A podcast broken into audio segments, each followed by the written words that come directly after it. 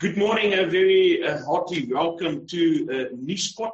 And uh, my guest this morning in uh, the uh, studio is Mr. Mzwanele Manyi. He is the spokesperson for the Jacob Zuma Foundation. And the topic that we are discussing today is uh, the medical parole that Mr. Zuma uh, received. The news was made known yesterday. And to tell us a little bit more uh, about their reaction from the foundation side. I've got Mr. Manyi in the studio. Good morning, uh, Mzwanele. Good morning, sir, and uh, good morning to your viewership. So uh, let's start off with your uh, reaction uh, about the, uh, the medical parole that Mr. Zuma uh, uh, received. Yeah, thank you for the opportunity. I think the the this medical parole has got a context, and the context is we're sitting here with a, a man that has been failed by the justice system of South Africa. We're sitting here with a, a 79 year old man going for his 80th birthday uh, that has been incarcerated without a trial. We have been remanded apartheid days. We're sitting here with a man who, in the whole world, is the only person that was never granted the opportunity to uh, contest the verdict, the only person in the world that never had the opportunity to even plead for mitigation of sentence. So indeed, we're sitting here with a, a product of uh, extreme proportions of unjustness. So when the news came of the medical parole, uh, those news came as some kind of a relief. Uh, we know that there's all kinds of fine prints in that uh, medical parole, uh, but we nonetheless celebrate the moment because it means that uh, this nearly 80 year old man will now be reunited with his family and is going to be able to play with his uh, grandchildren. So indeed, uh, we welcome the uh, uh, the medical parole. Uh, some South Africans um, will differ from you, uh, saying that Mr. Zuma is guilty of a crime, and the crime is that he that he did not uh, uh, do his uh, duty uh, at the Zondo Commission, and that he was uh, rightly uh, imprisoned uh, for that. And, and the other fact that they will that they will put on your table is to say that uh, Mr. Zuma uh, has to answer about uh, state capture. Um, uh, what is your reaction on that? Look, um, I think uh, we note what those people say, but I think whoever says this must understand a couple of things. One is that President Zuma had been to the State Capture Commission more than once, more than once actually, uh, and the only reason there was this uh, fallout was purely because uh, during that uh, uh, his attendance at the commission, uh, then came the issue of he, he picked up that Deputy Chief Justice Zondo was not being neutral in his approach, and he, then what President Zuma did from they asked him to recuse himself, and the man refused, and he took the matter to the High Court uh, to have that matter dealt with. So that's that's really was uh, the issue. The only thing that President Zuma ever wanted was just a neutral chairperson, uh, as it was. So that's really uh, the issue here. Uh, and and indeed, uh, even in the Constitutional Court, we noted with uh, disgust actually uh, that uh, the Constitutional Court, the highest court in the land, first and foremost, allowed uh, itself to be used as a court of first instance. And by so doing, there was a, ripple effect of what that means for President Zuma, because then it, it, denies him appeal chances and all of that. And in fact, the Constitutional Court is on record saying that uh, this is an extraordinary case uh, and therefore normal procedures will not apply. So we sit here as a foundation and say that uh, some arbitrariness was applied to President Zuma. Uh, there was no consistency of processes and procedures. He was dealt with uh, with a lot of emotion, anger, and some ven- vengeance of sorts. So indeed, uh, we, we, we, we don't accept that uh, what happened was justice. What, what has happened was just an expression of anger and emotion and all that. In fact, the Constitutional Court is on record placing the respect of the uh, Court higher than uh, the version that you are talking about, that is uh, President Zuma needed to table at the State Capture Commission, uh, because they said him being in prison uh, actually counts better uh, than him tabling the version at the State Capture Commission. So, in, indeed, if you want anybody to respond to that, the Constitutional Court actually must respond to this. Why is it that the Constitutional Court has denied South Africans the vision of President Zuma? President Zuma had, had already demonstrated his willingness to go to the State Capture Commission. He was there twice, and all he ever wanted is just a neutral chairperson. I mean, if anybody was as interested as the people that we are saying they are interested to hear him answer to state capture, everything should have been done to make sure that if he says the problem is this chairperson, it was a simple thing. Just put the chairperson on the side just for a day or two. He didn't even have to leave the room. He just had just not to chair the meeting. Why was that complicated? Uh, so indeed, I don't think if, uh, the, the, authorities out there are interested in the version. I mean, how do you take the?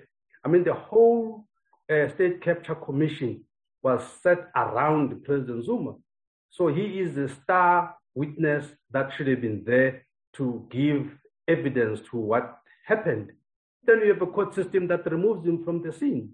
I, I, I want to know what that report would look like. So it means now the stage has been created such that what whoever says anything goes unchallenged, uh, and therefore the outcome of that uh, uh, process can never be credible in our view. It is being said that um, Arthur Fraser, the National Commissioner of Correctional Services, um, uh, is helping uh, Mr. Zuma, uh, and that is why he received a medical parole. Your reaction on that? I think what we must uh, understand and accept is that there is a, a, hierarchy of things uh, in the in government, or in fact, everywhere in life. The decision to to do the medical parole is also segmented. Uh, we've been reliably informed that uh, all decisions up to 24 months are the competence of a commissioner of correctional services, whoever that may be. So if the issue was a commissioner who acted beyond his mandate, we can deal with that. But if it's a commissioner that acted within his mandate, uh, to now bring in things about he knows President Zuma and all of that, we think these are just skirmishes that must be dismissed with the contempt they deserve uh, because the man is on the job, is doing what the textbook says he must do, given the position that he occupies. So to try and make this personal is very silly, if not stupid. How sick is Mr. Zuma? He is coping with the situation. Uh, obviously, he's a man that has been going through all kinds of procedures. He's a man that has been uh, subjected to a big psychological and depressive uh, psychological pressure. Uh, imagine that you being a freedom fighter uh, and, and, and you are the first one to be denied the rights that you've already struggled for in Robben Island, uh, in exile and everywhere. And when you are here now to enjoy those rights, uh, you, you fall victim of the same apartheid kind of tendencies that you fought all your life for. So this must mean that what he fought for was for nothing. So this mm-hmm. that alone is actually uh, uh, destroying his capability to even heal uh, uh, properly. This is why we support the medical parole because at least mm-hmm. psychologically it will uh, it will alleviate a lot of uh, unnecessary stress. Wouldn't it be better to um, to open up about Mr. Zuma's condition um, because uh, everyone is now at the moment speculating, um, and, and, and uh, rightly so or not rightly so. Um, uh, everyone is uh, just guessing what is happening. Uh, why? Uh, why the secrecy around what is wrong with him? President Zuma has got a posture around that kind of question. His his posture on the matter is that why is it that when it's him, uh, then all of a sudden there is a whole level of unbelievability uh, by those that are talking to him? He then maps out a pattern of events. He then says that, you know, this thing started at Pietermaritzburg High Court at the behest of a constitutional court judge, uh, Judge Pillay, who was presiding over a case, his case, the, uh, this uh, case, uh, as it were. Now, in that process, uh, the lawyers tabled a sick note to the judge to say President Zuma is not well, here's a sick note. The judge did not believe this sick note. They actually thought it's some kind of a, a makeshift fraudulent something to such an extent that he actually ordered, he actually issued a warrant of arrest uh, for the next appearance if for some reason uh, he fails to appear. That just shows a level of mistrust. That was not the end. Then the next thing was uh, at the State Capture Commission. Uh, at the State Capture Commission, when the lawyers were also making the same uh, appeal to say President Zuma is not well, uh, DCJ Zondo himself said he will go and, and, and, and, have a discussion with the doctors himself and, and, and try to understand what exactly is happening. That is again a level of mistrust. Now, in this uh, Pietermaritzburg High Court, we have a situation there again where um, an infrastructure is, of mistrust is created, where the mm. judgment is very clear that uh, after the medical report is given, the NPA must have a right uh, to also do their own examination and all of that. So President Zuma says, but what is this? Why am I not uh, uh trusted when I say things? Now, in this country, we've had a whole range of people that say things. I don't know whether it's because they are white, that uh, they are believed. When uh, W. Lewis got a medical uh, parole, uh, all these people that are talking never said anything.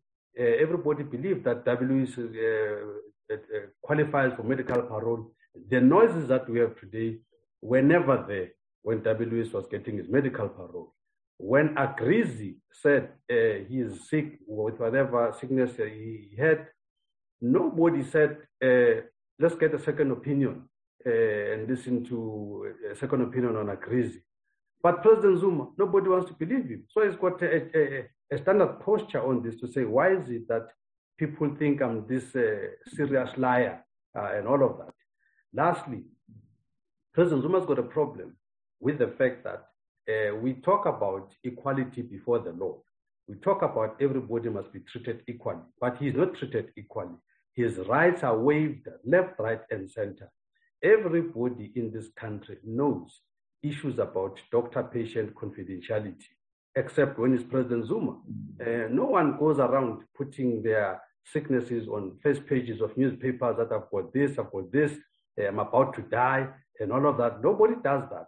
Uh, and, and, and, and the medical space is clear on the matter of uh, it's almost like a, a, your relationship with your bank. It's a private, it's a bilateral relationship. Now, why is it that when President Zuma is concerned, that this bilateral relationship is never understood? People take it for granted. No, mm-hmm. you are Zuma, just open up. Otherwise, we don't believe you. So we have a problem with that. And our posture is that if you don't believe uh, President Zuma, then it's your problem. We are not about to allow anyone to invade his uh, privacy. We are not going to allow anyone to invade his medical uh, situation and make it public. That is not going to happen. Um, the other uh, thing that is being said is that uh, Mr. Zuma's medical parole was arranged to keep um, uh, peace in KwaZulu Natal and um, to keep uh, uh, some level of peace between the um, factional, factional parties within the ANC. Um, what is your reaction to that? Uh, look, I, I, I well, it's, it's, this is a problem when people uh, make all these kinds of uh, statements and not bring evidence to corroborate. I don't know. I was not able to respond or accept or deny uh, that kind of a thing because I really don't have evidence to do this. Because what that would mean, it would purport political interference, uh, as it were, in, a, in, in this process. So if anyone is uh, arguing that there's been political interference, uh, maybe those people must uh, uh, come forth and give evidence and and make us believe what they're saying. There's all kinds of theories that one can build around this very same issue uh, quite a few theories. So mm. that's just one of them. I'm sure somebody else will come with another. So I think for us, we note what is happening, but the only thing that we're saying is that whatever the medical doctors are saying is mm. correct. Okay. Mr.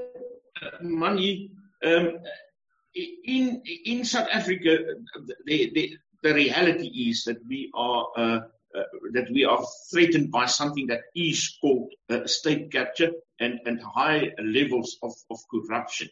Um, what is uh, what is President? Uh, uh, um, now I say pre- President like because you did you said that. what is former President Zuma's um,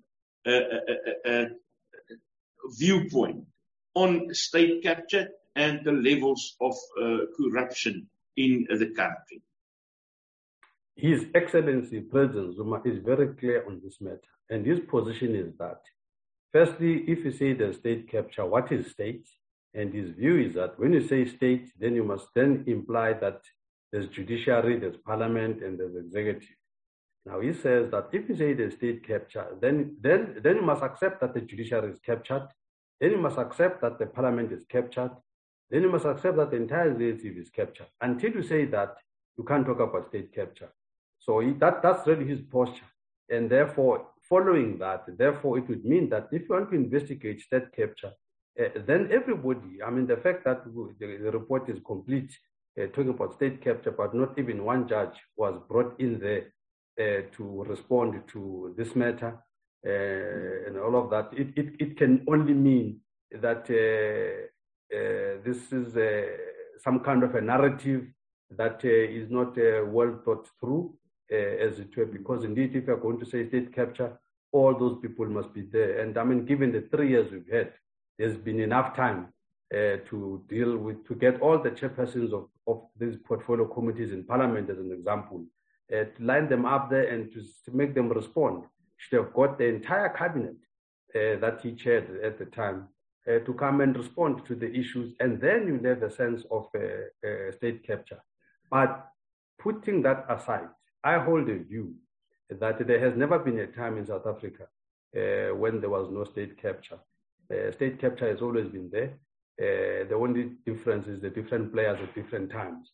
Uh, anybody that believes there's no state capture uh, in the true sense of the word uh, is probably not wanting to, to, accept certain things. But the bottom line is that there is indeed, there has been state capture since 1994 even mm. before. But uh, there's never been a time when the state was just freely operating. It's just that when people don't like other operators that come in, uh, then they zoom in on them and they forget the others. For instance, I hold a view. I hold a view. I know this is President Zuma's interview, but uh, I hold a view that uh, things like uh, cost plus mines uh, that are milking Eskom, that to me mm. is, is, a substantive state capture where you have uh, Eskom paying for the development of those mines. And after paying for the development of those mines, after investing a lot of money, sinking shafts and all of that, they still pay for the product at prices determined uh, by these mines. So if that is not state capture, I don't know what is. In this country, even the constitution, in my view, is captured. We're sitting here with a constitution that is modeled on Magna Carta a British document. So we're sitting here, we're saying we're an African state, but our whole constitution is framed on European principles. If that is not captured, I don't know what is capture. If you look at even the laws, especially the economic laws of this country, they have all kinds of deviations and exclusions when it comes to international participants. What that means is that all those that uh, were our former colonizers have gotten access to our economic policies, uh, and we've made, uh, made it legal for that to be. So for me, that is the real capture that uh, nobody wants to discuss, as it were. I don't know if you can give the answer, but I want to put the question to you. Um, uh, to what uh, will uh, former President Zuma ascribe um, the levels of corruption the the non-functioning of of uh, certain departments, state departments, municipalities, etc., uh, due to uh, money that uh, disappeared. Uh, what, what will his answer be if you can give the answer? Yeah, President Zuma is the first president in this country to establish a department called Monitoring and Evaluation. That department was meant to make sure that all the things that you're talking about are monitored, evaluated, and reported on. So I think he is not naive. President Zuma knows that there are these things that are going wrong, and he put out infrastructure there to make sure that uh, those things are, are monitored and, and reported on. Uh, and, and, and, and as you can see, that, uh, uh, that department is there and is reporting, but I don't know as we sit here and now what is the quality of those reports now and all of that. But the fact that he is the first president to have the presence of the mind to establish that department, it shows that we've got somebody that uh, respects governance, somebody that mm. respects monitoring. So indeed, you can't blame him for this. Um, let's go to, uh, um, if I may, um, and, and, and, you are more than welcome uh, to tell me uh, when to uh, stop a question or uh, not to answer. Uh, let's go to um, uh, Mr. Zuma's relationship within the ANC because, um, uh, according to news reports, this is, is an important aspect. A lot is being said about the factions in within the ANC, and and and uh, Mr. Zuma is always put uh, opposite uh, Mr. Ramaphosa and, and, and they talk about the RET factions and the Ramaphosa camp. Um, what what is the situation uh, in your viewpoint uh, from, may I say, the Zuma camp, uh, for lack of a better word, um, telling me what do you experience uh, in regard of this? President Zuma uh, is an ANC man through and through. He's blood is black, green, and gold. He's the he's the he, he is a very committed and disciplined member of the African National Congress. Uh, the issues around factions and all of that, it's important to, for you to understand to understand them in this context. I mean, if you look at if you look at uh, President Zuma's rise to the ANC leadership as in presidency, if you look at in Polokwane, in Polokwane, President Zuma pulled 60% of the votes in Polokwane. So that is a landslide victory that he had in Polokwane. So anything else that uh, is not was not following President Zuma at that time, that thing else is the one that is a faction, not what President Zuma was leading. President Zuma was a legitimate president of the ANC. When uh, the ANC went to have his conference in Mangaung, uh, President Zuma pulled 75% of the support in Mangaung. The next competent uh, competitor was at 25%, which just shows the support that President Zuma had in the ANC. So President Zuma was a leader of the ANC. There were factions that were trying to destabilize President Zuma, and those are the ones that are factions, not President Zuma. President Zuma doesn't have a faction. President Zuma was a leader, duly elected by the ANC, uh, and you had a duty to lead the ANC. Uh, so you can't call a person that has been elected by conference, who say is a factionalist. factionalist. How, how factional? Because uh, this is, he's got the mandate of the of the delegates. Seventy-five percent that was his, at the last count. So he was a true leader of the ANC uh, with a serious, overwhelming support, undoubted support, uh, as it were. So, so, so President is not a factionalist at all. Mm. Mr. Zuma uh, uh, has said um, uh, previously um, uh, I can't remember how many times, but I read it about two or three times. Uh, and now I'm saying reading. Uh, I didn't, I wasn't there myself, but but but but the but, but the report said that uh, Mr. Zuma warned previously um, that if um, uh, some ANC members wants to uh, want to bring him to fall, he will take them with him. what would he have meant by that? Yeah, no, I, I've never heard him say that. So maybe this is the one question that, uh, um, this is the one question that maybe I wouldn't know how to answer. But all I know is that over the years, President Zuma has done a hell of a lot to defend the integrity of the ANC, to defend his movement. Uh, and there are a lot of things already that he could have said or done that would have achieved what you're talking about. Uh, but the President Zuma has been very disciplined. He has always put the interest of the ANC above his own interest uh, and all of that. He's a really an, a serious, serious disciplined leader of the movement. Um, so the comments that you're talking about, I have never heard him uh, saying anything about that. I'm not aware of. Um, and then uh, just a, a, little bit more about the factionalism, um, talking about factionalism in uh, within the ANC and the different uh, sides to it.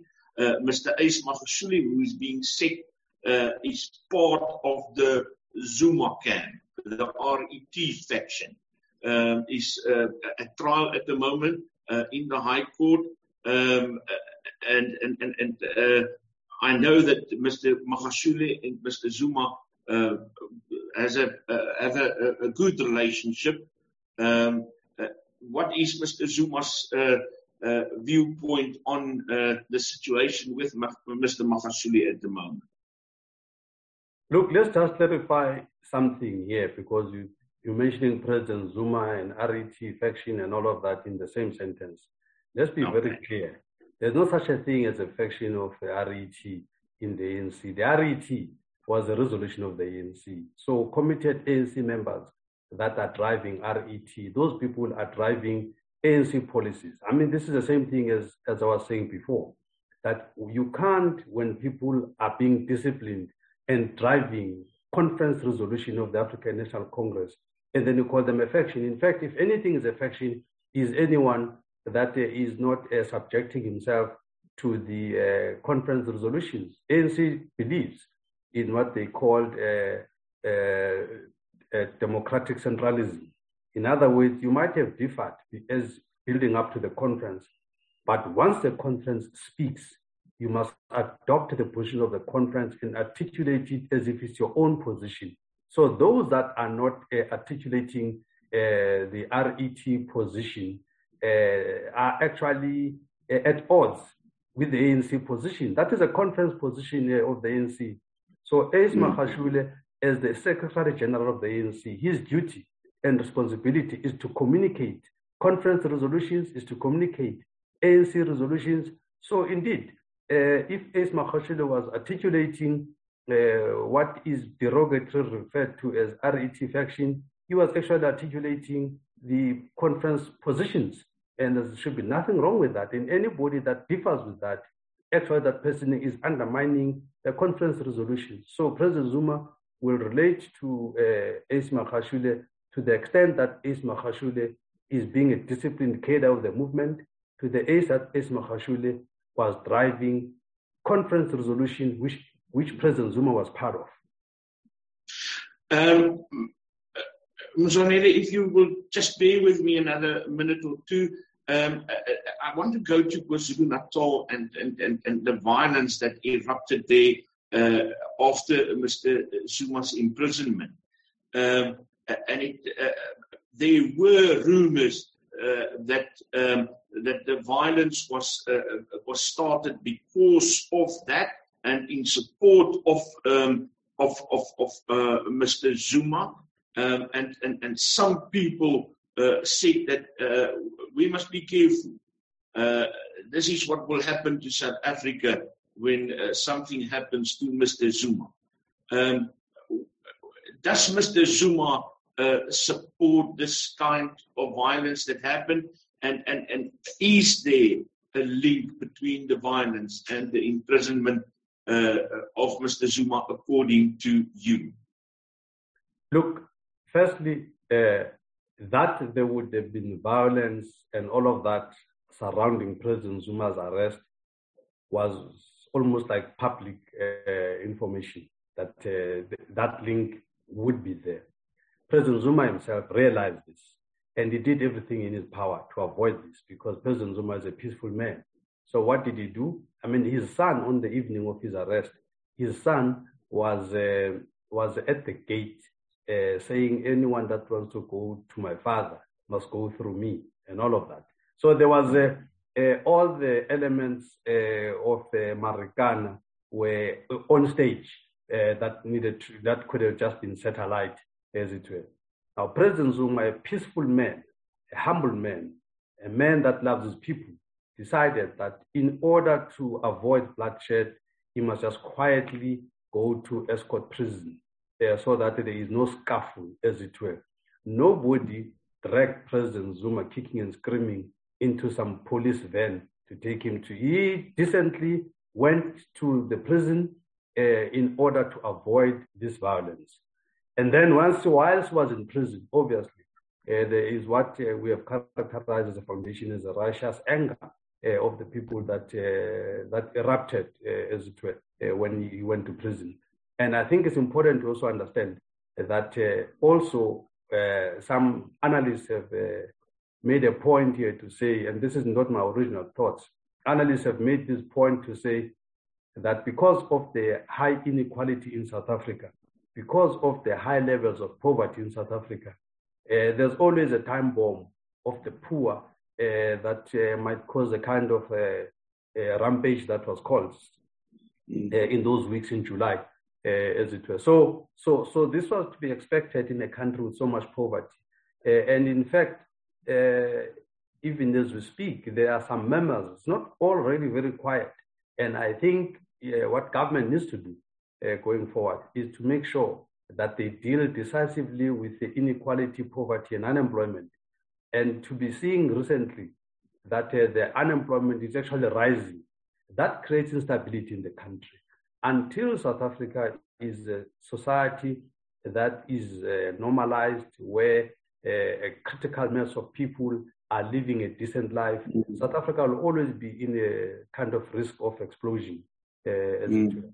The foundation was asked to uh, uh, to condemn the violence and all of that, and the foundation didn't get itself involved in this thing for a simple reason that the foundation took the view that if the foundation was to stand up in the name of President Zuma and say people must stop this, must stop that, in the event people indeed listened to that and stopped, the foundation was of the view that that would have cemented the view that President Zuma uh, is almost like the commander in chief of the forces of destruction. They listened to him uh, mm-hmm. as it were. Now he said they must keep quiet, and now they're keeping quiet. So it means that they were acting under his command. So that would have plunged President, that would have put President Zuma as the face of that destruction. Similarly, if President Zuma's voice was communicated to be the one that says, hey, people, please come down and all of that, and because we know that some of this violence was actually uh, most likely uh, uh, uh, orchestrated by people that had their own other agendas, which we don't know. So therefore, for him to speak was no guarantee actually that everything was going to keep quiet. And now we know that in South Africa there is a, a there is an agenda to continually uh, discredit President Zuma. Now, if he had spoken, if he had voice, if, if his voice had come out, but with no effect on the ground, the headlines would have been Zuma has lost control. Zuma kind of people don't listen to Zuma anymore, and all of, all of that. So we took the view in the, as a foundation, uh, firstly, not to incite violence, not to encourage any violence, but not to say anything because we're not in control of the forces. We did not lead up the forces. Our leader in the foundation, his, the patron, uh, His Excellency President Zuma, to avoid the scuffle, to avoid bloodshed, to avoid um, another Marikana, he had quietly went to uh, uh, to prison to avoid all of this. So so so so so so people must not, when they are running short of uh, ideas, try and link uh, uh, all the mayhem uh, to President Zuma and try to make him somewhat responsible for this. He's not. He tried everything to avoid it. Mr. Manyi, thank you very much for your time uh, with Nuuspot. I wish we could have talked lo- longer. Um, it, was nice talking to you. Thank you very much for my, making time for us. Uh, I, I, really appreciate it. Okay, thank you very much. President Zuma sends his love to everyone, and uh, he's looking forward, I'm sure, to uh, uh, getting out of the prison cells and uh, breathe fresh air like everyone else. Thank you. I thought he, I thought he sent me a personal message.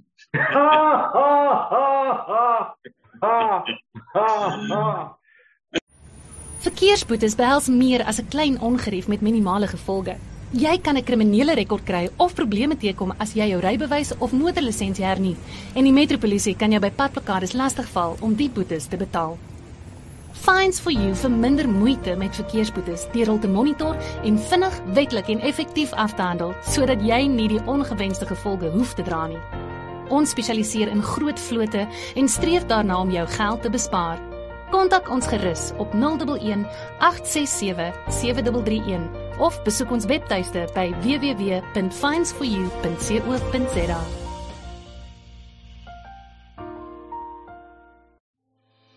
Nispod. Onbevange, onbegrens, onbevooroordeeld.